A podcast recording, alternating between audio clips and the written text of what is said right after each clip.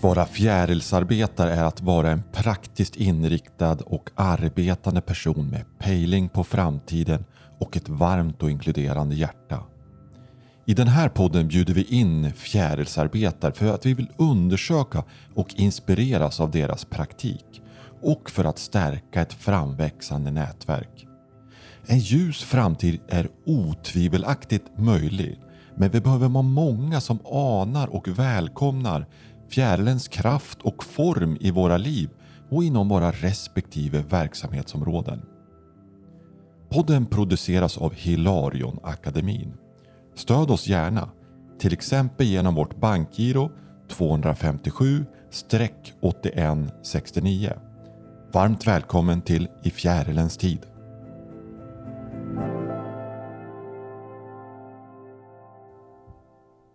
I detta avsnitt har jag, Fredrik Lidman och Karl-Erik Edris vår första podd med publik.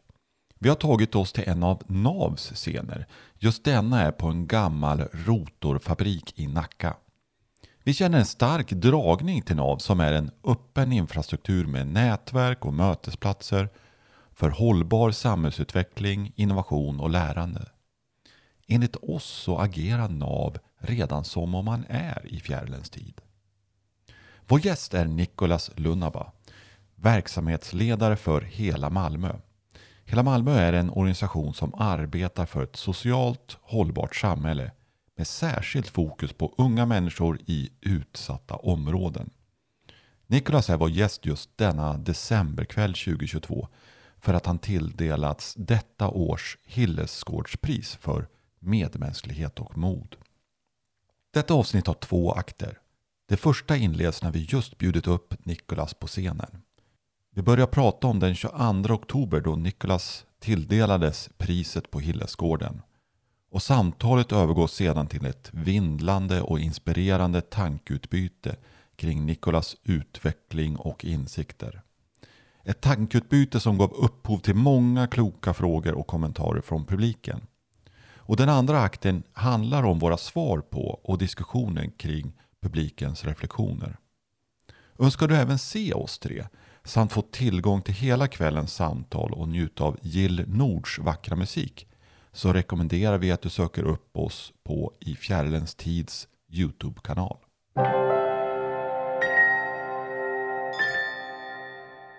Karl-Erik var sjuk just den 22 oktober och kunde inte komma ner. Så jag fick hålla Karl-Eriks tal som juryns ordförande för dig. Ehm, till att, anledningen till att du tilldelades priset. Sådär. Och så hade vi ett antal timmar tillsammans med dig och din familj och ja, en del andra där på, på Hillesgården. Hur var den där dagen för dig? Och jag vet att det pågår väldigt mycket i ditt liv och det är priser kors och tvärs. Men Hillesgården, hur var den där dagen för dig? Jo, den var helt fantastisk. Men att komma tillbaka till Klippan kommun, det väcker minnen för en skåning. Um, alltså jag hade inte varit i Klippan sen... Alltså jag brukade spela basket på, säg, början av 90-talet, mitten av 90-talet. Och när vi åkte ut i Klippan och Sjöbo och sånt. Det hände grejer ute i de, på de orterna. Alltså. Inte alltid så välkomnande. Alltså det, fanns ju en, det var ju en våg efter Ny Demokrati och så. Ja, dessutom ja. det. Ja. Så, ehm, så det, det, hängde liksom lite över de här orterna. Och vi, eh, inte sällan blev vi bortjagade i våra minibussar. Ja. Så det här var, jag fick en ny upplevelse av Klippan kommun då.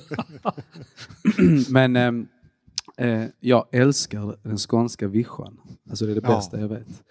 Eh, och jag tänkte, när vi kommer till grisarna och korna, det är då vi är på plats. Och det var där vi var.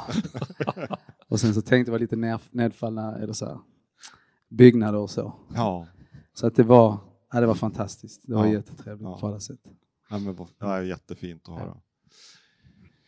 Jag tänker, vi tänkte inte att du ska berätta jag, vet, jag tänker att en hel del som är här i- idag och som kanske lyssnar på det här har, har hört ditt sommarprat, eh, kanske läst, till och med läst din bok och, eh, och sett det i olika sammanhang. Så vi utgår lite från det och blir du jätteintresserad av Nicolas efteråt så, så ta det gärna till andra källor också. Så vi kommer inte gå igenom så mycket som de gör, men du är verksamhetsledare i hela Malmö. Och det är ju en såklart helt centrala anledning till vad ni gör där som gör att du fått priset. Så att så mycket kan vi säga. Men jag tänkte lämna över ordet till dig, Karl-Erik, också som, från juryn där och någonting du skulle vilja ta upp runt att Nikolas tilldelades priset. Ja, jag kan ju säga lite grann om hur vi tänkte, alltså när, när man liksom eh, börjar att zooma in en person och det de gör, alltså vad håller han måttet den här? Jag visste ju inte ett dugg eh, om dig när jag såg det här namnet och så såg jag, jag tittade lite på hemsidan, jag hade ju inte lyssnat på ditt eh, eh sommarprogram men jag tittade lite på hemsidan och så tänkte jag, men det här, det här är en stark kandidat, här gör de ju massor av viktiga och vettiga saker. Och det som är den, blev sen den intressanta frågan för mig, det är ju att hela Malmö ur mitt perspektiv, det strålar ju av medmänsklighet och respekt och, och, att man försöker att göra saker så att de här personerna eh, att man minskar sannolikheten för personer som inte har det så lätt att komma helt på sned. Alltså det är ju en väldigt eh, en väldigt stark kärleksvibration i det där så som jag uppfattar saker. Och då tänker jag, var ledare för det där. Och så, eh, det inte, kan ju inte vara så enkelt. Och sen så profilerade du dig när jag lyssnade på det där med att du kände att du var arg och sådär, tänker jag. En ilsken jävel som kan få saker som har med kärlek att göra och fungera. Så då tänkte jag, ja men hur ska man fatta det där? Det går ju inte riktigt ihop. Så då började jag leta efter tecken på att du ändå skulle försöka balansera det här med det starka missnöjet och drivkraften men att det ändå inte slutar i att man ska spränga skiten i luften utan att man vill göra någonting bra istället. Alltså att maktdriften och missnöjet går över i kärlek så att man kan få det att samverka. Och den resan som du har gjort i ditt inre förmodar jag, det var ju den jag var nyfiken på. Så du får gärna säga något om det där, hur du har gjort med det där när du gick från missnöje till att ha, bara ha konstruktiv drivkraft och en människoupprättande kärlek i det du sysslar med. Vi kan väl också bara för skojs skull berätta hur du tog kontakt med mig, karl Jag fick en sån här medlande förfrågan, eller vad det står, på Instagram. Och hej, ungefär, jag är inte galen men jag vill jättegärna prata med dig, jag har goda nyheter, ring mig, typ.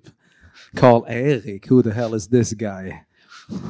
Eh, det var vår första kontakt och sen så snackade vi och sen blev det liksom att vi ändå snackade en halvtimme direkt. Här. Ja, jo, det kändes väldigt eh, bra. Och vi har haft fantastiska samtal här. Eh, nej, men hur, hur vänder man på det eller hur gjorde jag? Jag tror att jag har aldrig, jag har burit mycket på ilska och oro och rädslor och, eh, i hela mitt liv egentligen. Och sen så ehm, har jag inte vetat hur jag ska kanalisera det. Jag kom tidigt in i idrotten med basket och annat men eh, många av dem jag växte upp med eh, hittade andra, ofta mer destruktiva sätt att leva ut känslorna. Mm.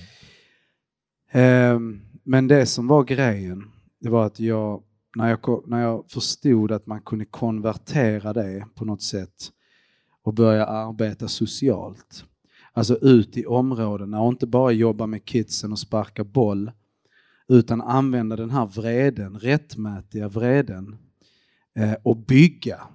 Och inte vänta på en, att politiker ska komma ut och rusta upp områdena eller på myndigheterna utan ta tag i det själv.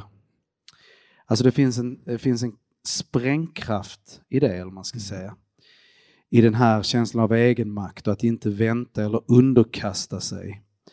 Som eh, som eh, var, har varit skitviktig för mig. För då behåller jag min ilska. Rättmätiga ilska över sakernas tillstånd. Men jag bygger någonting. Och jag använder det för på något sätt, alltså in, inlämnar det i kollektivet. Och vad vi då gjorde, vi kanske kommer in på det, vi har inte nämnt så mycket vad hela Malmö är.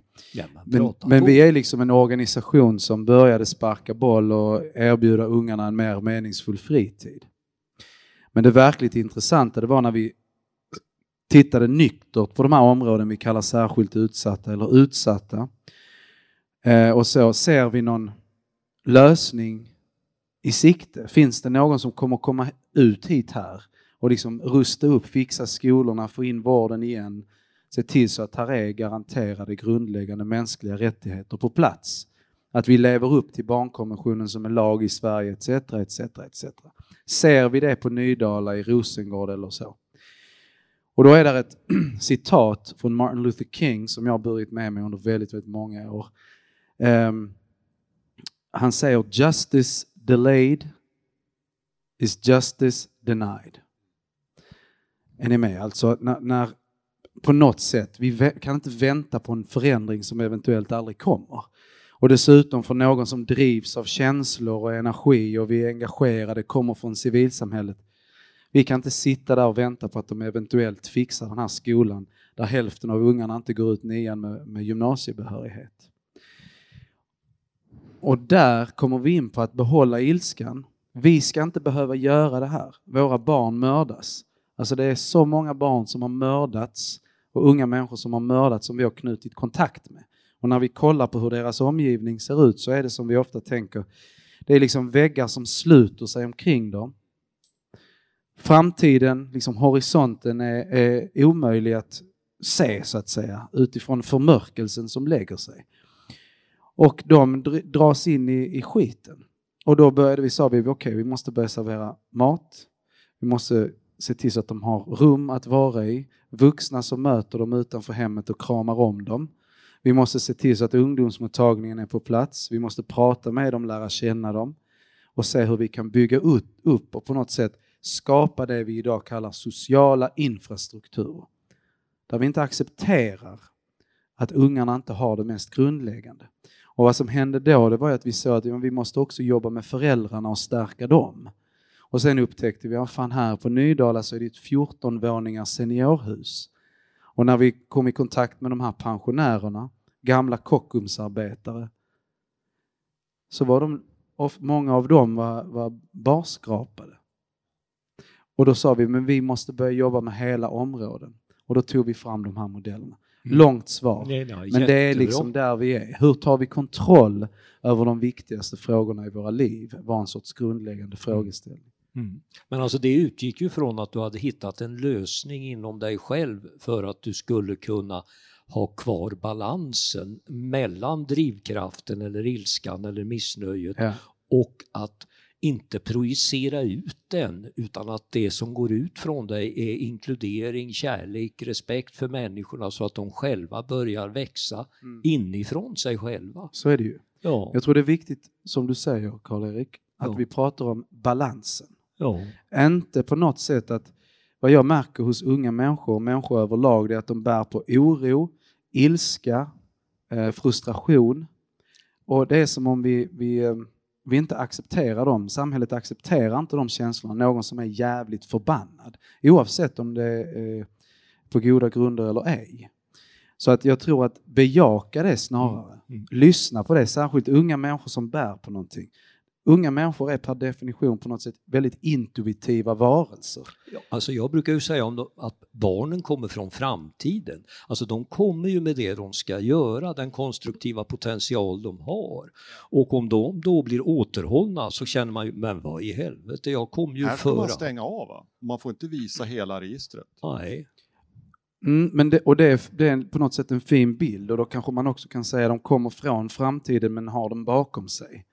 Och det vill säga, de, de kan inte överblicka allt det som Nej. komma skall. Var är vi på väg? Vilka förutsättningar har jag? Vilka möjligheter har jag? Mm. Och där är det ju vi kliver in och kan på något sätt se det. Ja, och hjälpa de här äh, personerna mm. att komma åt den kraft mm. de själva mm. har. Mm. Men inte släcka ilskan, utan lyssna, hjälpa dem att sätta ord på det, bejaka det och sen använda det till någonting. Mm. Och i synnerhet ser vi bland utåtagerande, aggressiva, våldsamma unga män.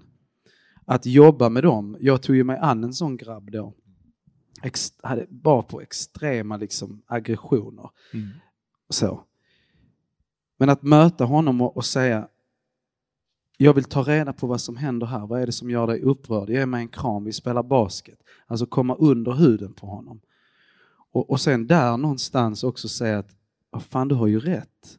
Alltså det var en grabb som flyttade in hos mig och bodde hos mig under lång tid. Och han kom hem och berättade sådana hur, han hade, liksom, hur hans dagar hade varit. Och det var ständigt ifrågasättande, misstänkliggörande, det var våld i skolan och så vidare. Jag tror fan att han bär på ilska. Um, och sen så hade han då ett sätt där han riktade utåt och letade efter de svaga att slå ner på ungefär. Um, men det han lyckades göra med de känslorna, när han, kom, när han började kunna sätta ord på det, kom in i ett annat sammanhang. Den jäveln är basketproffs idag. Mm. Han gick ut gymnasiet med, med toppbetyg. Mm. Och då snackar vi om en snubbe som hade liksom raka vägen in i destruktivitet. Mm. Hans vänner idag är mördare och mördade. Mm. Och han var den värsta. Men han kom åt det, men det var inte att kväva honom utan det var snart tvärtom. Ja, Hur klart. använder vi det här? ja, ja, det är klart. Ja, du beskriver ju i den boken på ett fantastiskt sätt hur ni levde, alltså som jag uppfattar symbios där under några år. Ja. Och ehm, så det, den rekommenderar jag varmt för er som är intresserad. Hur har, att du vågade ta in honom, mm, det var viktigt i ditt liv, tänker jag. Så här i efterhand nu när du ser på att du vågade ta in honom, hur ser du på vad som hände med dig och som gör, bidrar till att du är den du är idag? Ja, så long story short, vänner. det var då en grabb som var lite på glid, som vi säger. Och så hade jag jobbat med honom i några år och jag visste att ska han hamna rätt så räcker det inte bara med att vi tränar i hallen var och varannan dag utan jag måste ta honom in på mig. Och det var mitt första förslag att han skulle komma och bo hos mig en gång i veckan, komma bort från området och umgänget ungefär. Ehm, Men sen så, så blev det att han flyttade in hos mig och bodde hos mig i två år. Det gick ju jättesnabbt, det var ju på några vecka eller två. Ja, ja, ja. Han infiltrerar mitt liv. Ja, Tog över mitt liv. Den jäveln. Ja, Men han, eh, vad som, ehm, och då under de åren, för att detta var våren 2012, så det är alltså 10 plus år sedan. Den vintern 2011-2012, vilket jag kom på för att jag skrev då, varje dag skrev jag brev till den här pojken som sov på min soffa. Och det är de som då blev boken sen kan man säga.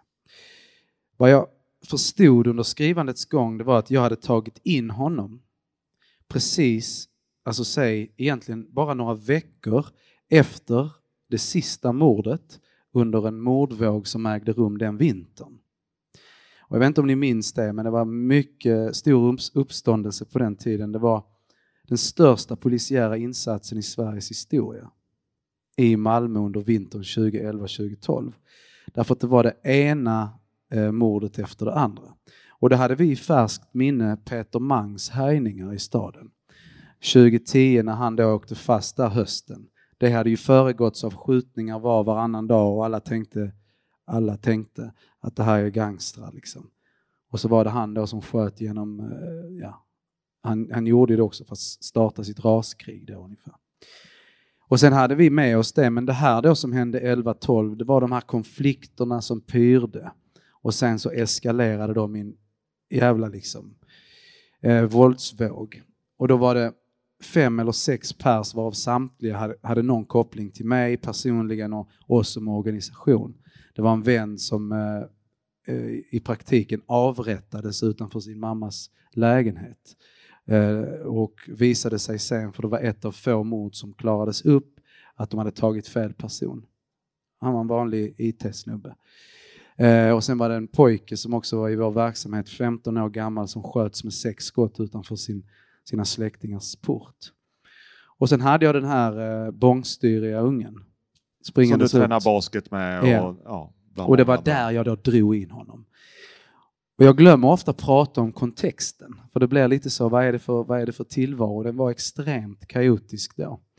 Och då tog jag in honom. Så att, för att besvara din fråga då, så var det väl så att under de två åren jag tog in honom, jag hade skapat en tillvaro som jag upplevde som både fantastisk men också ganska eh, tom på kärlek. Ja, Jag du hade väldigt- skapat ett litet fint ja, fängelse där. ja, om du vill kalla det. Nej, Världens bara mest fria. Det. Ja, Alltså jag bodde i en tvåa på Möllevången. Så när jag var ute i det turbulenta Malmö så hände mycket av det här. Och sen tillbaka till min tvåa. Knäpptyst, jag hade mina böcker och jag skrev mellan 10 till 3 på natten. En Vaknade. cell, ja. ja, just det. Munkcell. Ja. Ja. Och sen, munkcell, det är bättre. Fängelse, det ger mig lite chills. Men, eh, och sen då var det där den här pojken då kommer in. Och vad han då gör kan man då konstatera, det är att han tinar upp mitt lite kalla hjärta då. Och så eh, leder det till att eh, jag träffar min respektive som han då blir någon sorts matchmaker för. Som är helt fantastiskt fin. Ja, Ja. ja. Och sen som idag är barn, eh, inte barn, men mamma till mina två barn och han är då gudfar till en av mina döttrar. Så det är det som händer under den här tiden, att den här pojken då som jag försöker liksom hålla på avstånd och skriver om vilken ångest jag har över att den här, har över att den här jäveln då skiter och pissar och har sig i mitt hem och så. Och så skriver jag då detta. Men sen inser jag att alltså han är en mönsterunge. Han är så respektfull, han är så fin, han är mycket mer lyhörd än vad jag är. Eh, dessutom så bara bättre betyg, eh, sköter sig mer och mer och mer. Och, och plötsligt så har han hjälpt mig hitta mitt livs kärlek, den jäveln. Och sen bara sticker han till USA och blir basketproffs. Ja, men det, är som att, det, det står någonstans i boken att, att du kanske var en ängel i hans liv, eller om han sa, sa, sa det, och du, det, det är ju samma sak för dig då. Precis, och det riskerar, det är därför jag rekommenderar, ni behöver inte köpa boken men om ni vill så kan ni låna den på bibblan. För det här låter väldigt mycket som floskler. Eller lite klyschigt. Men det är precis det som händer. Alltså det blir nästan när jag skrev så kom jag, när jag var 75 procent in i skrivprocessen så tänkte jag, här har jag någonting som skulle kunna bli en bok. Men det var alldeles för lyckligt. För att det gick för bra. Och sen händer då några extremt tragiska eh, händelser då framförallt eh, hösten 2014 och framåt. Och där vet jag, här har jag någonting. Detta skulle kunna bli en bok. Men, eh, men ja, det är precis det som händer. Det, det är liksom, dikten överträffar eh, verkligheten. Ja. Eh, Och jag, alltså, jag uppfattar inte på något sätt i boken att det är en huvudpoäng att, han, att Elijah lyckas. Det är inte det som är poängen. Nej, Eh, Men det råkar vara så. Mm. Och jag blev påminn nu när jag läste boken om vikt. Alltså, alltså jag har fyra barn som jag påverkar själv nära. Vikten utav det lilla man kan göra och ibland gör man stora saker för att påverka vilken, vilken vibb det är runt om. Nära. Och där du uppenbarligen påverkar, det fanns en potential i honom som varken du eller han visste på ett medvetet sätt, tolkar det. Förutom att han var duktig på basket, men det var inte huvudpoängen. Det fanns någonting där, men genom ditt varande så kunde det komma fram i honom. Mm. ja, det skulle man kunna säga. Man skulle enkelt kunna säga att det som hände med Elijah, som han heter när, när han flyttade in hos mig, det är det vi på många sätt jobbar med eh, systematiskt inom vår organisation. Och det var egentligen han fick ett konstruktivt, lugnt, tryggt sammanhang. Vuxna som fanns till hands, som såg honom, bekräftade honom, eh, tog tid att lära känna honom etc. Tak över huvudet då, eh, det vill säga någon sorts trygghet där. Sam, eh, och att han, han fick mat i magen, han hade pengar, han kom bort från en destruktiv miljö. Och då såg man, det är alltså vad vi pratar om här, det är liksom Maslows behovstrappa. Alltså de mest grundläggande behoven som på något sätt leder till att vi har en verklig möjlighet att, att till, verklig möjlighet till självförverkligande. Och det är precis det som händer med honom. Det är nästan som ett studium, eller man ska säga, i Maslows i praktiken. Det är det som händer med honom. Men vad som då händer, och det är det som gjorde det här till en bok då, det är att det är två andra pojkar. Och det är de tragedierna som jag nämner. Det är tre pojkar då totalt. Jag väljer att ta mig an en av dem eh, aktivt. De andra två hamnar mer och mer, för att de är liksom tre vänner. Alla har samma typ av beteende då. Eh, det vill säga av eh, liksom, asocialt på något sätt. De andra två hamnar mer och mer i periferin. En av dem säger, det här är lite spoiler men ni får skylla er själva. Eh, den ena säger till Elijah, när han har bott hos mig ett år, att Nick svek mig, säger han. Nick svek mig, han hade kunnat ta sig an mig, jag trodde på honom och så vidare, men han svek mig. Ehm, och det är precis när Elijahs stora dröm har gått i uppfyllelse. Han har fått fullt stipendium, han ska åka till USA och han är bara precis fyllda 16 år. Och ett par veckor senare så åker den här pojken uppåt på uppdrag troligtvis av någon annan och mördar ett barn och eh, nästan mördar, alltså försöker mörda ytterligare ett som överlever. Eh, och sen så finns den tredje grabben då som eh, lite senare egentligen skulle placera ut en bomb vid en bostad och spränger bort delar av sin kropp men överlever. Och när man då kollar bak så var, hade de identiska utgångspunkter. Deras sociala sammanhang, deras liksom, liv eh, såg exakt i princip likadant ut. Och där har vi det. Alltså på något sätt. Nu blir detta förenklat i boken såklart och vi pratar bara om tre personer. Men det blev så himla tydligt när jag förde anteckningar dagligen om deras utveckling. Detta är vad vi antingen skapar vi den vägen eller skapar vi den.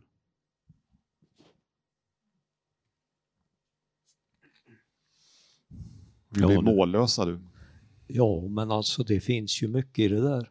Inte minst kraften i mötet mellan människor och att det är ömsesidigt också. Du gjorde ju något för honom, men han gjorde ju också något för dig. Som du kanske inte hade klarat på något annat sätt. Ja, så att det här med, man kan väl kalla det här medmänsklighet om man ska kalla det någonting, alltså att man försöker att få kontakt mellan de, ja, de sårbara sidorna av en själv. Så, mm, så är det ju. Men sen är, finns ju den här andra sidan som när vi var inne på det här med ilskan och drivkrafterna, alltså att göra en institution av det här och något som jag som i alla fall har läst mer statsvetenskap än vad jag kommer ihåg, det är ju att du har ju, jag såg dig i något, jag tror det var något debatt eller jag vet inte, men du prat, började prata om de gamla folkrörelserna. Den verkligt missnöjda, alltså här i Sverige, verkligt missnöjda och med all anledning missnöjda personer skapade folkrörelser som var genuina, man finansierade själv, man körde stenhårt för att få en samhällsförändring till stånd. Och att du känner att och jag tycker också bra om det där att du kallar de här områdena utsatta, ja men politiskt försummade föredrar ju du tydligen som begrepp, vilket ju är ett utmärkt begrepp. Därför att man lämnar det där och säger ja ni får väl rycka upp er, vi har lite bidrag här och vi har lite folk här som ni kan be om råd. Men det är hela tiden för lite och det är ju också eh, utan den här hjärtkontakten från levande människa till levande människa. För det, där finns det ju en helt annan dynamik än att man får ett bidrag eller att någon tjänsteman pratar med en. Alltså det där mötet går nästan inte att ersätta med en, en sund, vettig människa som man kommer i kontakt med eller där hela där det liksom inte är en stel institution utan det är ett levande sammanhang. Där kan man ju få tag i sin egen kraft. Då tycker jag det där är väldigt intressant så du får gärna hålla någon liten miniföreläsning om det här, för här ser jag ju då det här med vi kallar det för, vi brukar ju prata om fjärilsarbetare, alltså folk som har fått sniffen på någonting som det finns framtidskraft i. Så då tycker vi att ja men alltså det, även om vi inte ser vingarna så ser vi ju ändå lite, då ser vi fjärilskraften här i dig va? och mm. höra om vad du har att säga om dem, hur du ja. tänker kring de där grejerna. Ja, först tror jag att jag vill säga att alltså det här är ju, vi, vi jobbar väldigt praktiskt pragmatiskt.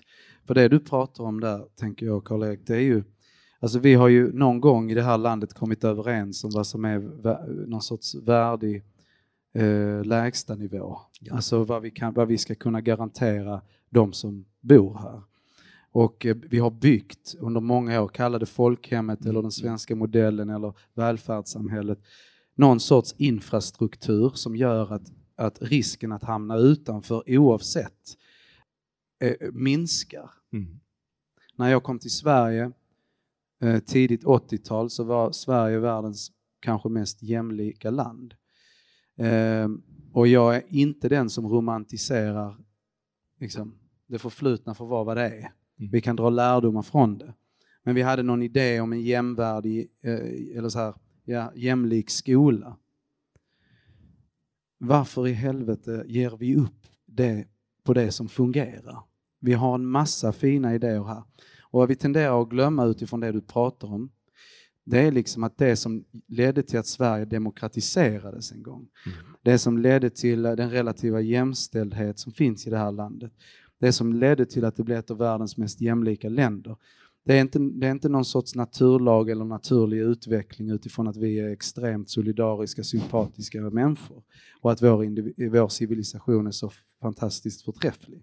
Utan som så många andra exempel, alla exempel på verkliga reformer, eh, så är det politisk kamp som, som ligger bakom det. Men också om man, om man kollar på just eh, folkrörelserna så är det liksom arbetarrörelsen. Mm. Men det finns också en bredare, det fanns en bredare idé om hur vi bygger en demokrati Mm. som också inlemmade socialliberaler och så vidare. Alltså det Mm. fanns en, en extremt bred grupp Mm. i Sverige som möjliggjorde den våg eh, av solidaritet, jämlikhet som sköljde över Sverige över 1900-talet. Det är inte naturlag. Det har vi vunnit någon gång. Är ni med? Ja. Och där, och där så säger vi då också att vi i dagens Sverige är extremt historielösa och särskilt illa rustade för auktoritära extremhögerkrafter som på något sätt ska förvränga vår idé om var vi kommer ifrån och vad vi har gjort. Alltså det, det svenskaste man kan vara. Det är en person som jobbar för jämlikhet, mänsklig värdighet, solidaritet och någon, att, någon sorts idé om att pensionärer som bor i 14 huset på Nydala, de ska leva ett fantastiskt härligt liv. De ska inte leva på smulor. Det är ovärdigt, det är respektlöst. Hur har vi hamnat här?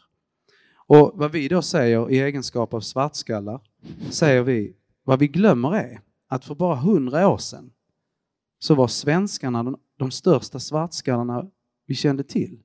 Vi emigrerade från det här landet i miljontal. Varför? Därför att tillståndet i landet, ojämlikheten, makt, resurser, pengar, inflytande var extremt koncentrerad i toppen. Alltså barn dog, alltså byar utplånades. Jag har snöat in en del på den här hungersnöden som drabbade Sverige efter missväxt på, eh, i slutet av 1860-talet. Alltså tar, tar man del av det i Sverige så blir man jävligt ödmjuk. Och dessutom så förstår man att vi håller på att återskapa det.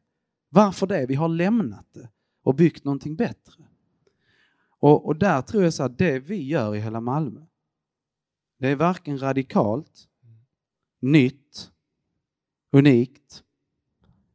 Man kan säga att vi gör exakt det våra förfäder gjorde, som gjorde att vi ändå har det relativt gott nu. Men vi aktivt håller på att bryta ner detta. Det är helt obegripligt.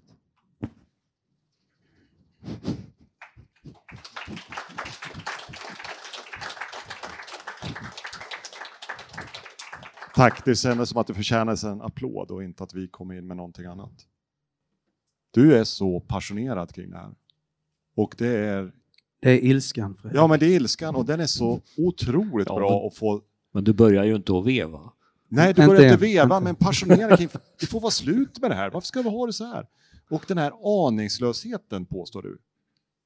Nej, Nej, vad är det då? det är ingen aningslöshet. Det är det som är poängen. Det är inte som att vi inte vet detta. Vi vet detta. Jag ska vara lite nördig nu. Ja, kör på. Vi är trots allt lite Hillesgårds representanter här. Alltså, Jag läser just nu en bok som jag läste för många år sedan och som är en av mina favoriter. Eh, och vill ni bli ödmjuka så ska ni läsa den. Den heter Utrota varenda jävel av Sven, Sven Lindqvist. Den kom ut typ 92 eller 93. Den inleds på följande vis. Du vet redan tillräckligt. Det gör jag också. Det är inte kunskap vi saknar. Vad som fattas oss är modet att inse vad vi vet och dra slutsatserna. Det är liksom, han sätter tonen. Och där, vi vet det. Och någonstans är det det jag, jag menar att vi är, vi blundar och vi låtsas om. Och eh, det är det som biter oss i röven. Vad tror du det handlar om? Det blundandet. Jag tror att det handlar om olika saker, men jag tror att vi behöver konfrontera det man ibland pratar om som den svenska exceptionalismen. Så vi har inte haft krig här på liksom, hur länge som helst, till skillnad från sig i Finland, där man har det i färskt minne. Vi vet vad som hände, vi vet hur vi- vi behöver reagera när Ryssland invaderar Ukraina etc. Vi är ett ganska sovande folk eh, och vi tänker att allting är, eller det gör vi inte, inte alla vi, men, men på, något, på något sätt så lever vi i välfärdsstaten Sverige och vi lever i folkhemmet och allting är, är, är liksom på plats. Samtidigt så har vi monterat ner de delar av samhället som kan göra motstånd mot, eh, mot den här, den här sömngångarmentaliteten. Eh, och vad jag syftar på då det är att det är flera saker, men bland annat medierna till exempel. Det kom ut en rapport som jag ofta refererar till för, för några år sedan. Eh, Katalys, tankesmedjan, gav ut den, där de visar att arbetarklassen är i princip helt utplånad ur det de kallar medelklassens medier. Det vill säga de etablerade medierna. Och vad gör det då, också med medelklassen, att aldrig komma i kontakt med andra socialgrupper och så vidare. Så vi har liksom skapat ett Sverige som skärmar av, som blundar, som låtsas om. Eh, och det ser vi hur det, och genom New Public Management, att vi säljer ut en massa saker. Det leder till att vi har monterat ner det du kanske skulle kunna säga då, Karl-Erik, liksom förutsättningarna att vara medmänskliga, att komma i kontakt med varandra. Vi byggde liksom upp ett samhälle där vi skulle kunna få syn på detta. Precis, och vi... mötas på ja, massor med olika ställen. Va? Exakt så. Och vill ni göra er en tjänst, otjänst, då rekommenderar jag er att läsa Cervenkas Gir i Sverige. Jo då, denna... eh, alltså, samma sak där, för den säger någonting om, om den självbild vi har, eller, vi, vi, vi har eller skulle vilja ha. Eh, så att säga. Vi, vi, vi, blundar för det vi har byggt upp och låtsas som det har inte med mig att göra utan som du så fint sa innan vi letar efter någon annan jävel att skylla på. Mm. Mm. Så det finns, eh, det finns mycket att säga. Jag kan dra ett annat exempel apropå boken. Mm. Som också besvarar din fråga då. Jag lekte med tanken, vad skulle hända om någon sköt ihjäl Elijah? Svartskalle, muslim, 15 år, från Nydala, Sverige. Han har alla, eh, allting emot sig på, på sätt och vis. Jag lekte med tanken, vad händer om någon mördar dig, Elijah? Eh, och om du hamnar på löpsedeln och det står då att du har blivit i princip avrättad. Var, hur kommer vi som samhälle eh, eh reagera på det? Och där har jag då i boken, jag resonerar och jag resonerar och först säger jag ungefär Sverige hatar dig Elijah. Och sen kommer jag fram till att nej, samhället hatar inte dig, men vi har bara byggt ner förutsättningarna att bry oss tillräckligt mycket om dig. Mm. För du, du frammålas på alla sätt som fienden eller den påstådda liksom så här parasiten och orsaken till Sveriges kanske då påstådda förfall ungefär. Så när vi hade sett den här svartskallen på, på löpsedlarna så skulle vi ha sett gängmedlemmen, vi skulle ha sett eh, personen som alltså på något sätt vars död är självförvållad. Alltså vi ser, vi vet hur vi reagerar ytterligare en person som har varit där och så. Alltså jag tycker att vi har hamnat i en situation, det finns en forskare som pratar om att vissa, eh, vissa människor i samhället har blivit osörjbara. Och då nämnde jag Katalys rapport, men vad de inte har med, för de har med och visar statistik på hur arbetarklassen är utplånad ur de etablerade medierna. Och det är en jättetydlig genomgång. Men är du, arbet, är du, är du, tillhör du den liksom, rasifierade arbetare underklassen så är du inte utplånad ur medierna. Utan du är använd, du används som något, du är liksom avhumaniserad, eh, kriminaliserad och inte minst eh, liksom muslimska unga män. Chanslösa i det avseendet. Men står absolut längst ner beskriver du. Ja. Så hela Malmö. Vad ser du? Just det, de. Precis. Är ju en motståndshandling mot det här att vi skapar fler och färre och färre ställen där vi kan mötas mm. i Sverige mm. som människor. Som till mm. exempel gjorde lumpen 1985, då mötte man ju alla mm. där, män mm. i alla fall. Det var en jätteviktig upplevelse för mig. Men det var det alltså. Man mötte alla män. Ja, precis. Var det då, men så Vilket är det inte idag. Ja, men så var det då. Men, men ändå va. Eh, och stötas och blötas med varandra och förstå varandra så här, i det här fallet ute i skogen. Men hela Malmö, det, är liksom, det går åt ett annat håll. Där ska ni mm. kunna mötas och man ska fixa och dona och sådär. Mm. Vad ser du för framtid för hela Malmö? Och Vad är det för påverkan ni har? Det kanske går bortom Malmö också? Ja. Alltså framtiden är in i helvete ljus. Det var helt rätt svar Ja. där. En ljus Ja. framtid är möjlig. Nej, nej men, men, men eh, alltså det är det och jag, jag, det är därför jag gillar det här sammanhanget och när vi pratade där ute på vischan bland svinen och korna och så vidare. En annan människa. Ehm, nej men hur, hur gör vi allt det här då jag sitter och gaggar om? Va, vad pratar vi om? Hur gör vi någonting åt det? Och jag tror att det som är spännande det är först att ställa sig, vi behöver ställa oss några, några frågor. Vad är det vi vill? Alltså var är vi på väg? Vad har vi för vision? Vad har vi som sitter här inne gemensamt? Vad har, vad har, vilka är de gem, liksom gemensamma nämnarna vi har? Minsta gemensamma nämnarna. Vad är det? Trygghet för barnen, bra. Alla ska äta. Vi måste bekämpa, vi har, måste ha en idé om hur vi bekämpar klimatförändringen. Det är liksom prioriterat. Fattigdom, det kan vi inte ha, bra. Och så kommer vi överens om vad vi ska göra då. Det är visionen. Fan vad vi ska ha det bra, det är visionen. Okej, men vad är det som inte funkar? Vad står i vägen för det? Vad står i vägen för att vi ska äta oss mätta och leva i harmoni, typ? Och där menar jag, om vi inte först tar den vägen och, och liksom sen, vad fan detta är ju helt ohållbart. Alltså 52 procent av barnen på Rosengård lever i fattigdom. Det är ju helt vansinnigt. Ovärdigt. Bra. Det är, en- där har vi ett hinder. Det måste vi åtgärda, prioritera. Och när vi har, liksom har en gemensam idé där, både vision och brister, då blir det bra. Vad har vi då för, för lösningar? För då har vi identifierat problemen, utmaningarna och sen, och det är där, jag tror att det, det vi gör som organisation det är att vi, vi, vi, vi börjar i rätt ände. Och det gör att det är fantastiskt kul. Dels så får vi utlopp för liksom ilskan och kan identifiera och eh, stöta och blöta. Och sen skrider vi till handling och då är det så här, men bra. I det här området så är det uppenbart, det behövs ett bibliotek. Här bor 10 000 pers, det finns inget bibliotek. Och ungarna vill ha ett bibliotek, hör och häpna. Och då, tar vi, då, gjorde, då är vi extremt praktiska.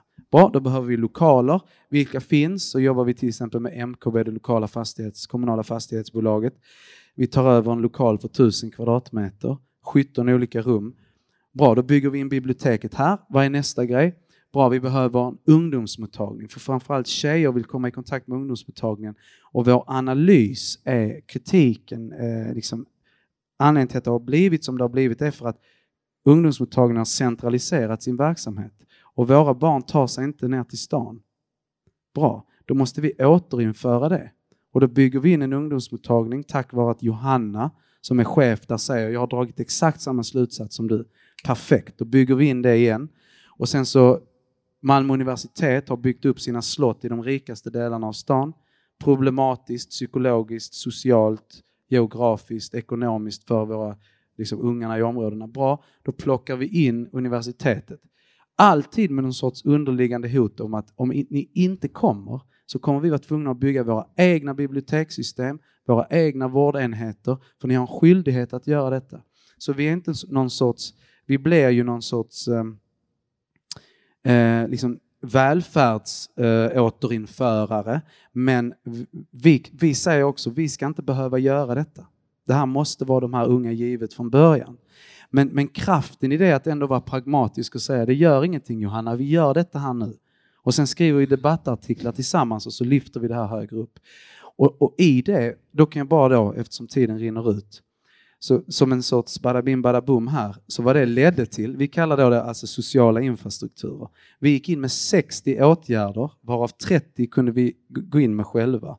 Och 30 fick vi dra in 24, Fitness 24-7 som byggde ett gym och alla de här. Och när vi då gjorde det, byggde den infrastrukturen, på ett år, den öppna droghandeln bort från torget, klotter, skadegörelse, våld kraftigt reducerat, tryggheten upp med nästan 8 procent, vilket var rekord.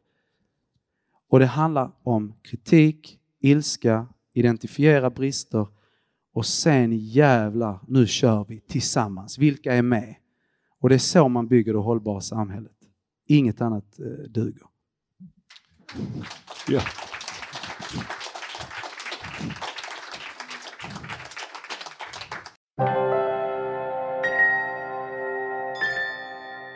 Under pausen fick publiken möjlighet att diskutera vad som slog an under första akten.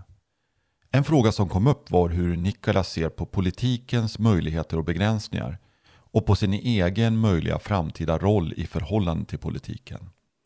En annan fråga gäller hur andra städer redan idag inspireras av hela Malmö.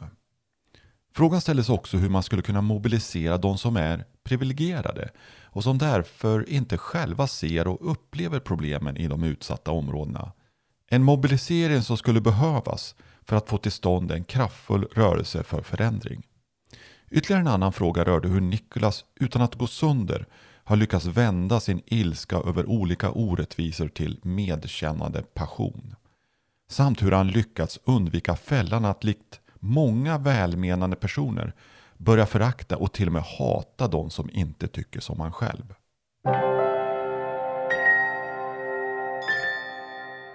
Politiken. Ja. Eh, och hur tänker du kring, nu formulerar jag på mitt sätt, men stå, ja, men det, jag ser det här som politiska handlingar och det menar jag inte som något negativt.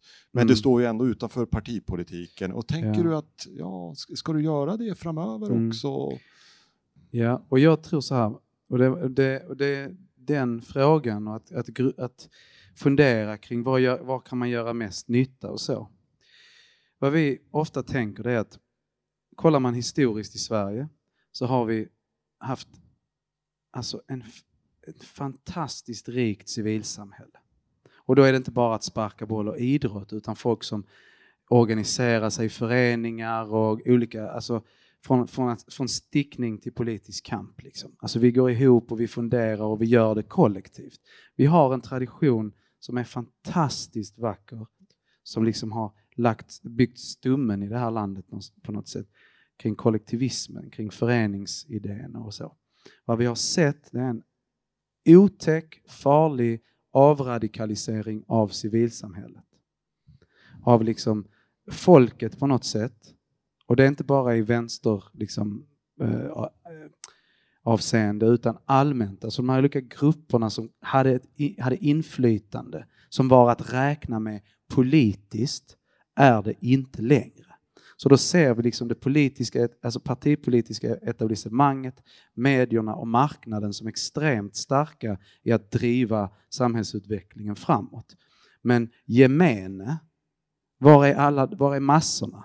Alltså på något sätt, de har kapitalet men vi, har, vi är många ungefär. Alltså vi är inte många, vi är extremt fragmenterade. Och vi har accepterat den här eh, liksom söndrande, politiserande, polariserande eh, liksom samhällsklimatet, eller vad man ska säga. Är ni med? Så, så jag, jag tror att förändringen sker när vi är väldigt många som har en idé och då kommer vi trycka på och påverka partipolitiken. Mm. Och det vet vi historiskt också. Alltså på något sätt massorna.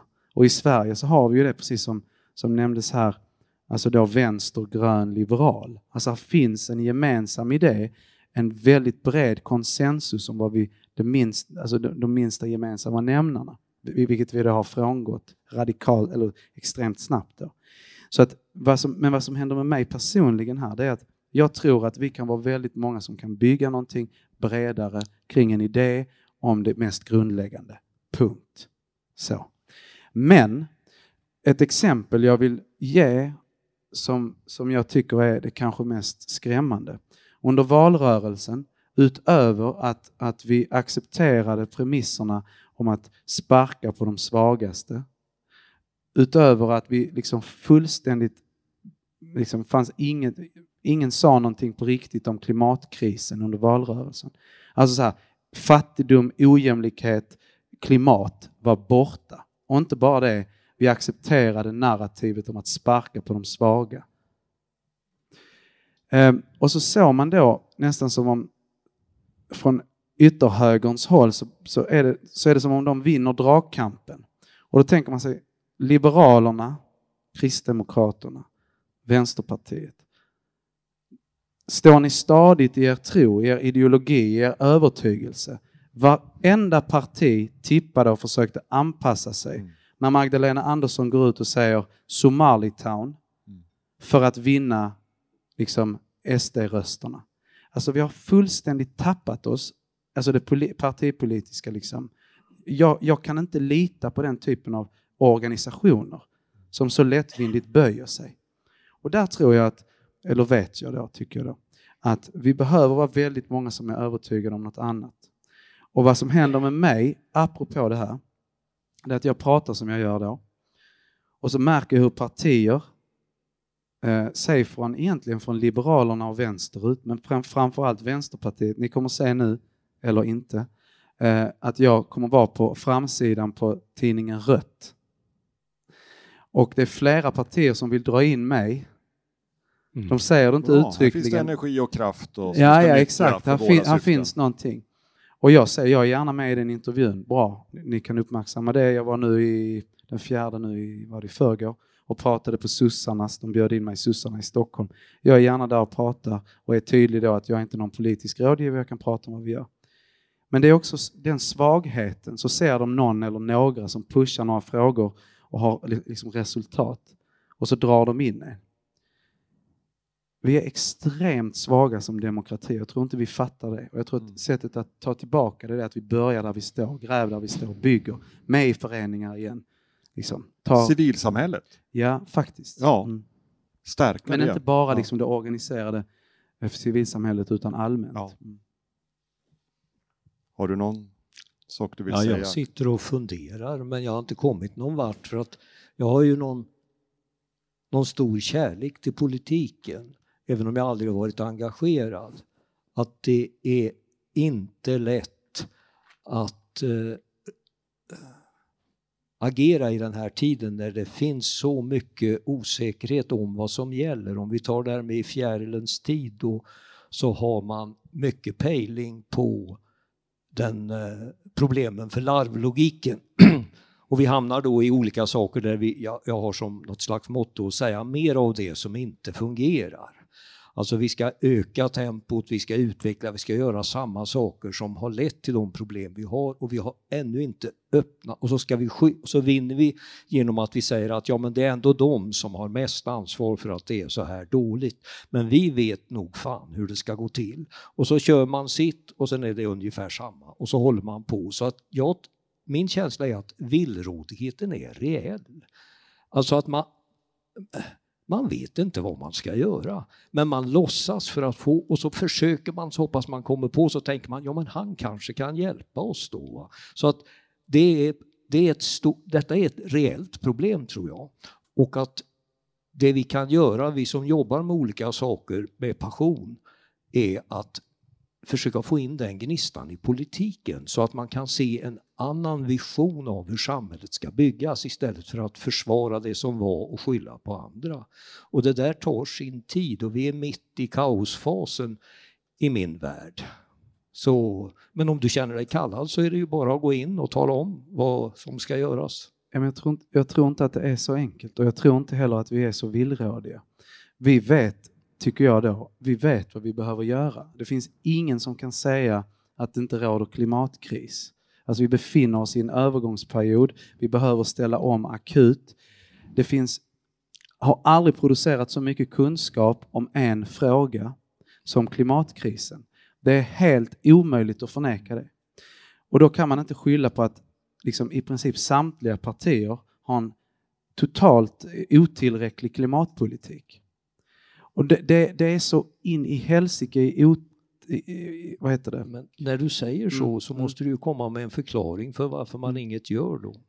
Eh, ett, eh, inte nödvändigtvis, jag kan inte eh, kunna allt eller komma med förklaring, men jag kan dra väldigt enkla slutsatser. Här är kunskapen, det säger att det här är ett problem. Eh, det här orsak, orsakar problemet, det här är lösningen. Det finns till och med jättetydliga lösningar om hur vi kan ligga i linje med eh, Parisavtalet. Men om man då lyssnar på dem, ta den nuvarande klimatministern, eller miljöministern eller vad han heter. Och där, är det liksom, jag, bara, jag lyssnar och tänker, alltså vilken planet är hon på? Här är, kunskapen är totalt liksom oförneklig. Eller man ska säga.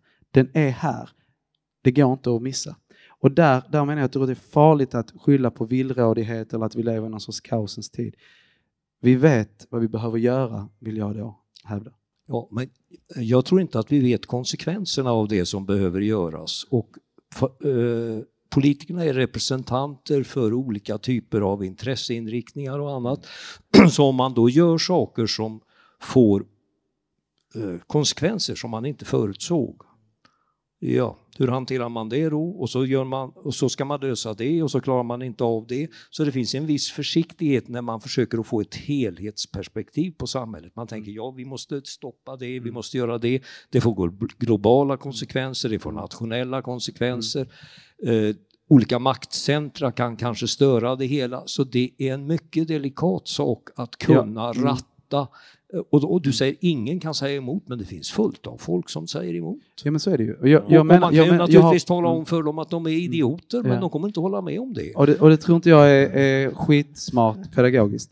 Men jag, jag, menar, jag bara menar att det är, det är tydligt på något sätt vad som behöver göras. Sen har jag respekt för komplexiteten. Ja. Men jag har ingen respekt för klimatförnekare eller lögner eller hur de undanhåller. Alltså vi är i en situation där vi skulle behöva ett, ett modigt, politiskt inkluderande ledarskap som sa det vi har, de verkliga problemen vi ser, det är de ökande klyftorna, fattigdomen och, och klimatkrisen samt inflation och andra kriser som eventuellt skulle kunna. Vi behöver som samhälle gå samman och bygga det hållbara samhället utifrån de här olika kriserna. Det här är inte ideologiskt i första hand, det är logiskt. Och där, där menar jag att, att eh, är man oavsett om man inte kan konfrontera verkligheten som sådan, då, är man, då lever man i någon sorts förnekelse. Och det är därför jag inte är intresserad, tycker jag, av att hoppa in i, i partipolitiken. Jag vill liksom nyktert, eh, obesudlat kunna liksom... Jo, jo, men alltså du resonerar ju inte som en politiker och skulle därför Nej. inte trivas i den miljön. Nej, Därför att man måste väga på ett sätt, man måste vara pragmatisk på ett sätt som, Mm. ja, så, så det är ju mycket bättre att du renodlar din Ja, grej. Va? Mm. Och här har vi besvarat första frågan. Och jag, och jag lovar Karl-Erik, jag har respekt för det. Men jag har inte respekt för, för, eh, för ljugenheten. Jag har, har återigen, jag har respekt för komplexiteten. Och just därför, det är inte en fråga utan det är flera frågor som vi behöver balansera. Och, och, och det är delikat och man måste vara diplomatisk och man måste, jag förstår det. Men, men vi lever också i krisernas tid. Vi lever i en tid då, då vi dels har enorma resurser i det här landet men också accepterar hur, hur samhället bryts ner socialt, ekonomiskt, ekologiskt. Eh, istället för att då ha de här politiska företrädarna som, som kan eh, eh stå upp för någonting och bygga någonting. Jag ska citera en icke närvarande person, en av mina kompisar här som är politiker och som har sagt något som jag tycker är ganska klokt, nämligen att i politiken så får man lära sig skillnaden mellan att ha rätt och att få rätt. Alltså det, problemet är att få rätt. Och ska det vara demokrati så har man då alla de här personerna som man kanske utifrån sin egen utgångspunkt tycker har missförstått alltihopa och är några jävla bromsklossar och idioter. Men ska man få någonting gjort så måste man på något sätt hitta gemensamma nämnare, strategier och så kommer det internationella. Så det är mycket ett vävande syntesmedvetande med viljekraft som behövs. Mm. Att ha Mm. rätt, det kan man ha när man driver sin egen grej Mm. eller sådär. Va? Men politiken handlar om Mm. att få enighet bakom saker och där vi har nått enighet om att skapa den värld vi har, eller vad man ska säga. Vi är inte mera helhetsmedvetna eller har bättre övergrepp, Mm. blick eller förstår eh, att vi inte kan fortsätta ha så stor global ojämlikhet till exempel. Jag menar, vi är ju ett medelklassreservat kan man ju säga globalt sett och det kommer också att generera ständiga problem som kommer att dyka upp i form av krig och ka- katastrofer och folkvandringar och fan vet allt. Och, Mm. Så det, ja, så att eh, Jag kan, förlåt, vi ska gå vidare Fredrik. Men Karl-Erik fick igång mig. Eh, nej men bara, jag ska ge ett annat exempel. Samtliga partier pratar om hårdare tag. Vissa eh, förespråkar visitationszoner. Men i princip alla pratar om hårdare tag, strängare straff. Och där kan jag inte, jag, vi vet om vi kollar på den övervägande forskningen internationellt, att, att liksom repression ska leda till någon sorts civilisation. eller att vi, det leder till att ja, men då blir det lugnare och tryggare. Det funkar inte så. Och det vet vi genom erfarenheter och vi vet det genom forskning. I mitt fall så har vi jobbat med sociala insatser. Identifiera problemen, luckra upp liksom destruktiva grupperingar, alltså sociala insatser mot sociala problem. Vi skapar dessutom en modell för det och vi har jobbat med det under väldigt lång tid. Nu är detta från mitt perspektiv. Det är ingenting som säger att det där inte skulle kunna appliceras på andra platser. Vi har gjort exakt vad som står i forskningen och vad som egentligen är rent liksom, logiskt. Ändå hävdar samtliga fortfarande hårdare straff, vissa är lite mer för sociala insatser och så vidare. Och för mig är inte det att de är lite villrådiga utan ja, men det skulle eventuellt vara, man skulle kunna, det är, det är alltså de förhåller sig inte till verkligheten eller till den beprövade med, med liksom erfarenhet och forskning. Och där någonstans så måste jag ifrågasätta de som har mest makt i samhället som inte förhåller sig till de enklaste saker. Sen så kan man komplicera det på andra sätt, men det går inte att prata förbi den det där. Ja, men alltså de tror ju att den politik de bedriver är den som behöver bedrivas. Eller menar du att hyckleriet går så långt så att de tänker att jag, vi skulle ha en helt annan politik, men nu mm. har vi av någon anledning som jag inte är riktigt mm. medveten om mm. blivit eniga om att bedriva en politik som jag själv tror är helt fel. Men jag ler mm. vänligt och mm. låter detta ske. Mm. Jag, jag är cynisk där. Ja, jo, jag och, jag är, och, jag är, och, jag, och jag menar inte att det här är onda människor. Jag bara menar att jag tror att många har slirat in på en väg och basunerar ut hårdare tag och fler poliser. Och då kan man inte bara göra en kovändning hur som helst. Nej. Vi hade ministrar från Socialdemokraterna på plats i Malmö där vi sa till dem innan valet, detta var åtta månader innan valet, vi hörde på dem att de är på väg mot en mer SD-vänlig retorik och vi sa till dem, här har ni, det här är ett svenskt exempel, det här är ett särskilt utsatt område, våldet ner, skadegörelse ner, inkludering upp. Vi har 15 punkter, ni kan i princip gå till val på det här. Bygga den här kraften, den är helt, går helt i linje med barnkonventionen, eh, Agenda 2030 och forskning. Öppet mål. Varsågoda. Och när de gick, det första vi sa efter det fyra timmars mötet var de vill inte ta in det därför att de har styrt in på någonting som sitter så hårt. Så jag tror att jag är cynisk, jag tror inte att de är onda människor, men jag tror de är verklighetsomvända och tyvärr, det finns en jakt på makt. Ja, men alltså man måste ju ha makt. Politik handlar om jakt på makt. Eh, för att om, jag inte, om vårt parti inte får makten, då är det några andra partier som vi tycker lite sämre om som får makten. Så det är ju ett nollsummespel där. Och de gör ju då sina eh, kalkyler om hur de ska maximera antalet röster. Och, då, det är ju, och det kan ju, sen är ju då utvärderingarna efteråt, då gick det inte som de ville. Men de trodde ju att de skulle vinna på det här. Och sen är nästa steg då, vilken politik bedriver vi konkret när vi har nått det hela? Först makten, sen göra saker. Så det är ju ett mycket komplext spel. Och man kan ju inte, eh, om jag ska fortsätta driva den här linjen, man skulle kunna tänka sig godhets och klokhetsdiktatur. Men alltså det kommer ju att visa sig att all klokhets och godhetsdiktatur kommer ganska snart att bli som ondhetsdiktatur som vi känner väl. Alltså det, det här med demokrati och försöka att få ett helhetsperspektiv på samhället, det är jävligt påfrestande och mycket fel och mycket tokerier.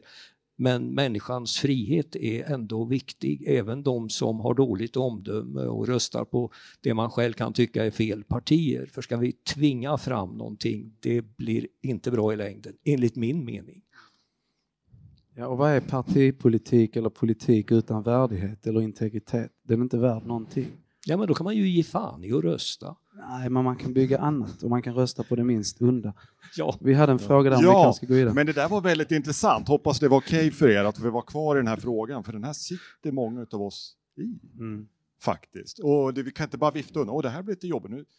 För det här är väldigt Ja, viktigt. Ja, alltså men det- pa- Partipolitiken, politiken, vad kan de göra och hur kan man agera på andra sätt och hur kan man genom det man agerar i hela Malmö påverka politiken Ja. och bli besviken och så Och- vidare. Och jag Så är naturligtvis inte spänn- särskilt imponerad av Nej. den politik som bedrivs i Sverige. Men det är inte det som sitter är... här va? Den Ja, men det är ju inte det som är poängen, utan jag säger det här med att vara politiker är mycket komplicerat.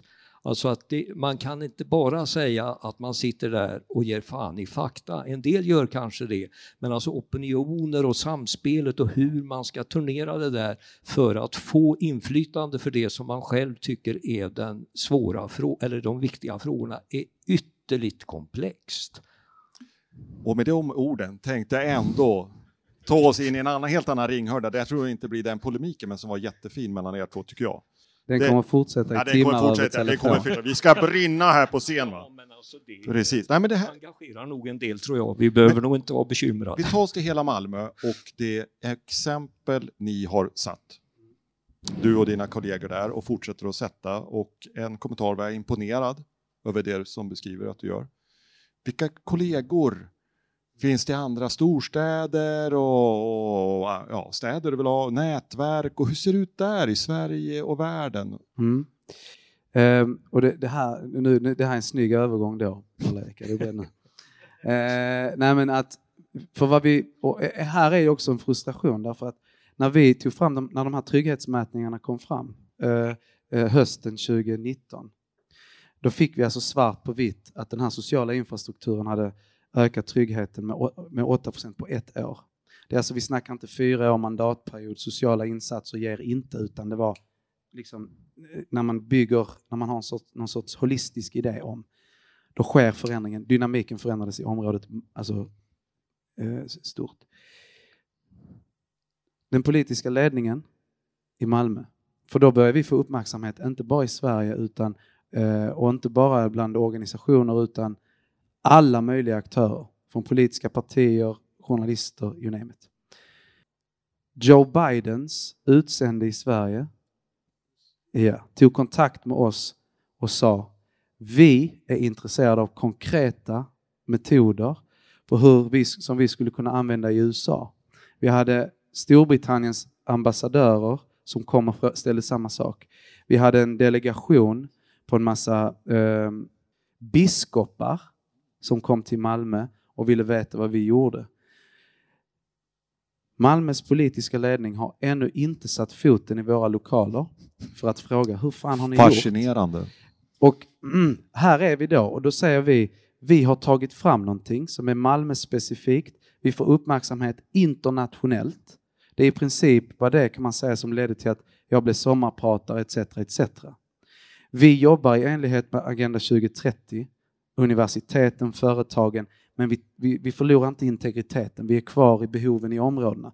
Folk måste känna att de kan påverka och växa. Det vill säga vi bekämpar ojämlikheten i samhället. Men inte ett enda politiskt parti i Malmö eller Sverige har på allvar sagt Fan vad spännande. Ni gör någonting vi inte ser någonstans praktisk, liksom, i det praktiska. Förutom internationellt. Eh, och där, där, blir, ah, där blir jag bitter. Ja. Eh, särskilt när det är staden själv som tar fram mätningen. Och när vi då presenterar det och de ser shit, men det är ju inte staden som har gjort det. Det innebär att vi kanske kan se lite dumma ut eftersom vi egentligen borde. Och den jäveln är en skrikig jävel, jag vill inte ha honom efter mig. Vi gör bäst i att inte vara där. Cynismen. Men eh, tillbaka till frågan då. Gör vi detta på andra ställen? Ja, vi, vi krokar arm med organisationer, eh, både i, i Sverige och internationellt för att utbyta liksom, idéer, kroka arm, eh, liksom, i, i praktiken, vad kan vi göra i det här området? Så vi bygger, men vi, vi nöjer oss inte bara med, med liksom civilsamhällesaktörer utan vi försöker sprida våra idéer så, så bra vi kan. Ehm, och jag, och jag, målet måste vara att bygga på fler ställen. Men inte att vi gör det, utan det vi jobbar mest med nu är att ta fram koncept kring våra modeller. Är du med? Det är det viktigaste vi kan göra och där märker vi att kommuner, föreningar och då ja, diverse är intresserade av de här modellerna. Och där kan jag också säga att vi är inte bäst på alltså att kolla på organisationsstrukturer och sånt där. Så där har vi tagit hjälp av en som är chef på IKEA, Mm. en som är, eh, jobbar inom Skanska Ehm, och, och eh, liksom, sociala rörelser. Hur har ni byggt upp ert? För att få en så, så god idé om hur vi skulle kunna just konceptualisera och kanske då exportera liksom, på något sätt. Det är, mer, det är både idéer och praktiskt arbete. Mm. Så det är det viktigaste vi kan göra nu. Hur mycket energi tror du att du personligen kommer lägga på det här kommande år? Det här du pratar om nu? Eh, detta är i princip det jag gör mest av allt. Ja, det var det jag hoppades var svaret. Ja, för det här ja. är, tror jag, det är sån potential och så viktigt Ja, det är du kan helt, bidra. det är helt avgörande. Mm. Jag tänkte faktiskt hoppa till frågan vända ilska till passion. Och det är inte så att ilskan har försvunnit utan den är kvar där. Och, och, du Har ni märkt det? Eller? Ja, precis. Och det är ju inte no... Nej, men du, det är ju... Nej, men du använder hela registret som människa som är djupt imponerad av. Hur har du, du hållit över åren här och inte gått sönder? Eller så har du gått sönder lite halvt? Alltså, det, ja, hur har du fått... Som gör att du kan sitta här på scenen och vara så Mm. aktiv och skapande? Mm. Nej, men jag är sönder. Jag har inte gått sönder eller så, utan jag är sönder. Jag, har, eh, jag bär liksom skitmycket inom mig. Det jag, har, det jag har kunnat göra, och det här är alltid lite svårt för det är lite självförhärligande när man på något sätt ska säga jag har gjort det, det här och sen eh, har jag liksom löst det. Men ja, det, finns, det finns någonting grundläggande och det som vi pratar om inom organisationen hela tiden och det är om inte vi funkar så funkar ingenting annat. Eh, och ofta vi som jobbar med människor, vi är passionerade, vi är ute och sen plötsligt så, så orkar vi inte längre.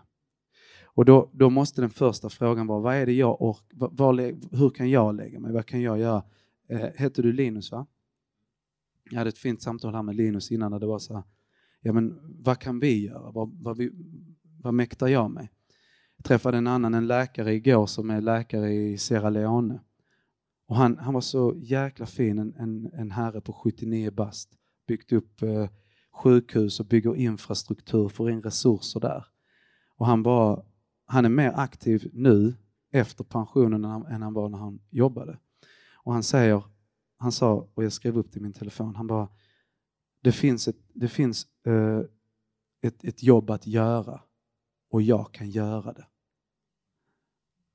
Alltså han är 1,65, ser ut som jultomten. Alltså han brinner som, som vilken 15-åring som helst. Och jag tror att det är för att han har hittat det här. Jag kan fylla den här funktionen. Och det är lite det jag tänker driver med. Men jag, men jag måste jobba med mig själv. För mig har skrivandet och, och, och läsning och sånt varit skitviktigt. För då kan jag skärma av. Och sen, och sen både då liksom, eh, komma i kontakt med språket och få ny kunskap. Jag läser gärna ilskna jävlar liksom, så att jag kan så och sen ut i praktiken. Så jag har hittat en bra balans där. Men ilskan är helt avgörande. Inte bara att bejaka utan odla. Och sen så en fråga som kom efteråt här, och, eh, behålla integriteten. Det var Daniel som sa det i ett samhälle där han sa att jag aldrig sett så många som jag tänker var för de goda krafterna utifrån hans perspektiv, som har så mycket hat i sig idag. Ja, och jag kan ge ett exempel här. Det är att det vore jävligt enkelt för mig. Och nu låt, det här kan jag, heller, har jag svårt att säga för det låter också som jag är någon sorts Jesusfigur. Men jag, det skulle vara enkelt för mig att eh, hata rasister. Eller hata SD för att de vill eh, skicka mig, min familj, mina vänner eh, ut ur landet. Alltså de pratar om att de ska komma och knacka dörr. Vet ni vad det gör med barnen i området att veta att det finns ett parti som var femte svensk röstar på som vi kommer att knacka på hemma hos dem som någon jävla Gestapo.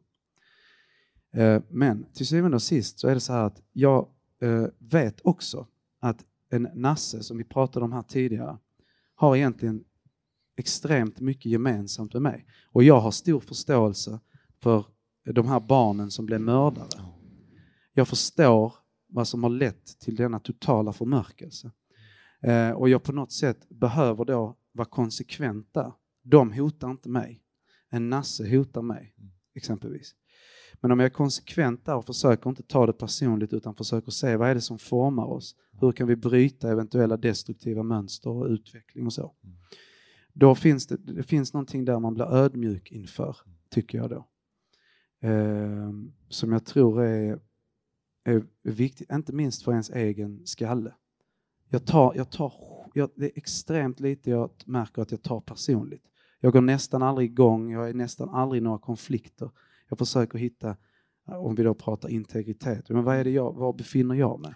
Och jag har suttit i så många möten under så många år, när, för att hela Malmö var en del av Malbas Basket, en basketförening. Och där satt jag med liksom vit medelklass Mm. som dominerar varenda styrelserum, som rekryterar alla coacher.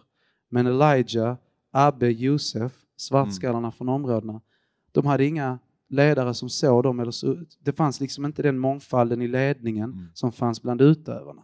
Och det uppstod en obalans. Men jag kunde säga, fast det är inte rimligt att vi sparkar ut dem så fort de gapar. Ja. De gapar för att de behöver någonting. Mm.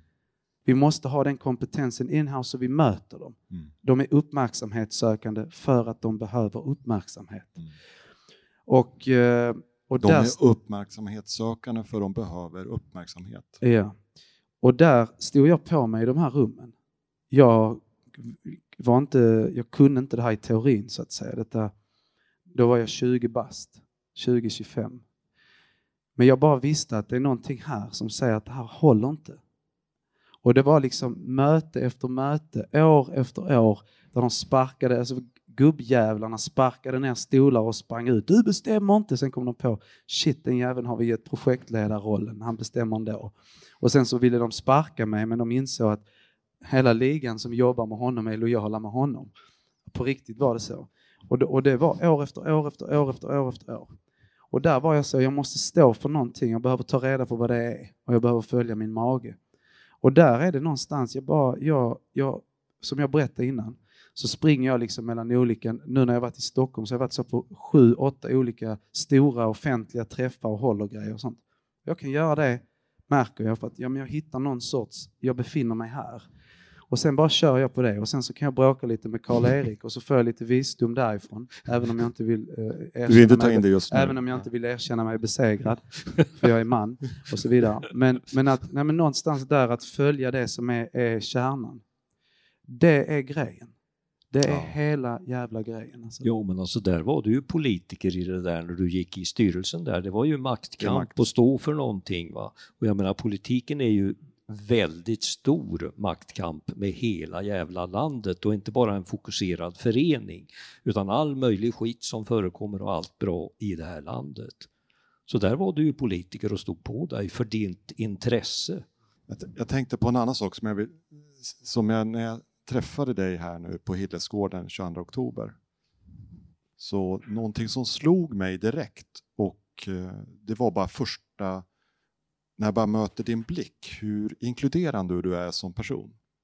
Och det var inte mot mig specifikt sådär, även om vi behövde få kontakt, utan du har så väldigt inkluderande sätt och ser människor runt omkring dig på ett fantastiskt fint sätt. Så jag tror det där är en, för mig en, en del utav att du är i relation med så många och klarar det och tar in så många.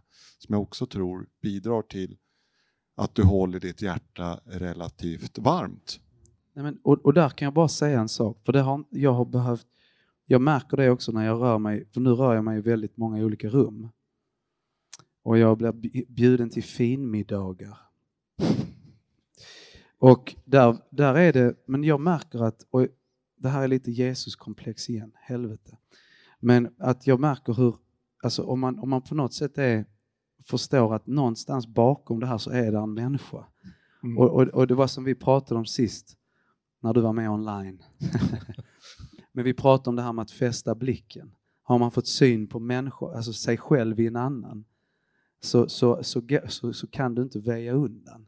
Och det betyder, och det betyder att den gapande nassen som vill ha ihjäl mig, alltså någonstans där så, det är inte personligt. Om någonting så är det hans kamp mot honom själv ungefär. Det betyder inte att jag inte förhåller mig till honom som en, fiende, som en fiende, för han är min fiende, det vill säga han vill skada mig. Men jag behöver inte ta det personligt. Och, och det är den grejen som jag, som jag märker alltså ger mig så jäkla mycket energi att inte ta saker personligt. Jag kan bara ta något, något personligt från någon som jag verkligen är personlig med. Är ni med? Och det, det där gör att Jag kan, eh, be folk, alltså jag kan be folk dra åt helvete eller jag bara gör min grej och befinner mig i mitt. Eh, och det bevarar energin. Och det gör också att jag kan vara mottaglig för människor som också är svin. Wow. Ja, det får man väl säga. Ja. Jag Nej, tänker, det är inte wow, det, det, ni, med, ni hör hur liksom kladdigt det blir. Nej. Gegg- nej, skitsnack! Det där är skitsnack. Det är bara du som... för att han... Nej, nej, nej, Nej, nej, nej. Du skulle inte dra ner dig själv liksom det sista, utan det Nej, är... men, men, jag, nej, men jag bara menar att... Men, men jag, alltså, vi mm, kan ju ja. alla det du kan om vi lär oss det. Jo, men problemet är, problemet med det är ändå att när jag, när, när jag pratar så jag försöker liksom, vad är det som har funkat för mig? Är ni med? Det är Ja. det som blir geggigt.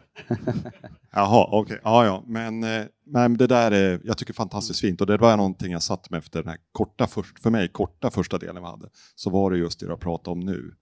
Eh, hur din inre förankring har funkat och hur du har byggt upp styrkan i den. Och hur du är fantastiskt fin på att ta in andra människor runt omkring dig och bevara passionen. Så att, ja. Nej, men, och jag tror, för det var någon fråga om det här, eh, som Daniel sa, det här med hur, hur även liksom rättrådiga människor liksom svajar och blir hatiska. Men det är på något sätt också, vi, vi matas ju med det här hela tiden och då är egentligen frågan, hur bygger man ett skydd? Eller hur? För att jag tänker på mina barn. Alltså de, de, när de, de är tre och fem, så de är inte på Instagram eller TikTok än. Men så fort de börjar scrolla, det första, det första de ser på Instagram det är någon som är försnyggad. Nästa är en, en reklam om hur otillräckliga de är. Det tredje är någonting annat som hela tiden, eller så går de in på nyheterna så är det ständigt. Så snarare är det ju så, vi lever ju, vi, är överösta av negativitet och plötsligt så har vi internaliserat det, eller vad man ska säga. Och då plötsligt så ser vi att vanliga människor har tappat den blicken eller kompassen. Och det är ju jävligt enkelt att göra. Och då är ju, då är ju frågan hur, hur styr vi bort från det? Jo, men då behövs det ju, alltså jag tänkte på det där när du sa det här att ni skulle ha något koncept att organisera. Men platschefen, platscheferna behöver ju ha ett sätt att fungera som gör att man inte dras in i olika saker av de krafter man utlöser om man ska sköta det jobb som ni gör på hela Malmö. Att det, det ställer ju krav på de som ska vara bärare av eh, det här. Jag tror att du har rätt, men kanske mer än det så behöver de ha ett alternativ. Man behöver inte bara styra bort utan man måste ge dem någonting annat. Och det är det jag tycker fattas i partipolitiken. Var är visionerna? Vad är det vi bygger? Vad går vi tillsammans mot? Och det, och det är det jag Ja. tycker att, ta då Sverigedemokraterna som exempel. De är, har självförtroende, de har passion, det är hit vi ska, vi ska vara rena, vita, friska. Där. Och det är skitenkelt att dras med av det. Och vad är det då som gör att de andra vacklar? Att det, var är våra visioner om vad vi bygger? Från min lilla bubbla så märker jag på lokal nivå och även när vi är ute. Vi har en ganska tydlig idé om var vi är på väg. Vi bygger något praktiskt och vi säger att detta funkar därför att vi gör så här. Och det drar med människor som fan och det är det jag efterlyser i politiken eller partipolitiken. Så att det är liksom alternativ vi behöver. Inte bara de är si eller de är så eller vi ska inte titta på det. Med mina ungar så måste jag hitta en lösning som bara inte är ni får inte titta på TikTok. Utan jag måste föra samtal med dem, jag måste komma nära dem, jag måste förstå hur de fungerar och erbjuda alternativ. Annars så är de kvar i TikTok och då har vi det här samhället vi har.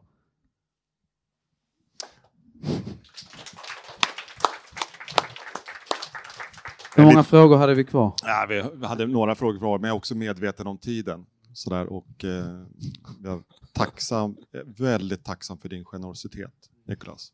Hur du delar med dig. Det, det, jag blir påverkad av det, verkligen på ett positivt sätt.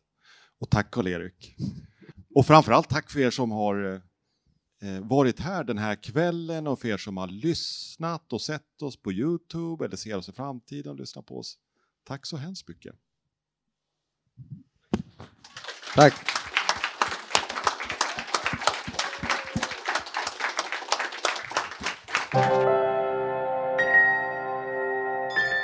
Vill du veta mer om Hillesgårdspriset och dess pristagare? Besök då gärna hillesgardspriset.se. Där kan du även se hur du kan bidra med donationer och sponsring av framtida pris. Alla gåvor tas tacksamt emot. Vi tänker fortsätta att bjuda in fjärilsarbetare. Och vi gör det för att vi vill undersöka och inspireras av deras praktik och för att stärka det framväxande nätverket av fjärilsarbetare. Men vi gör det också för att vi hoppas kunna ge näring och stimulans till våra gäster i deras fortsatta fjärilsarbete. Det är nämligen en krävande sysselsättning att få frön från framtiden att slå rot och blomma ut i nuet.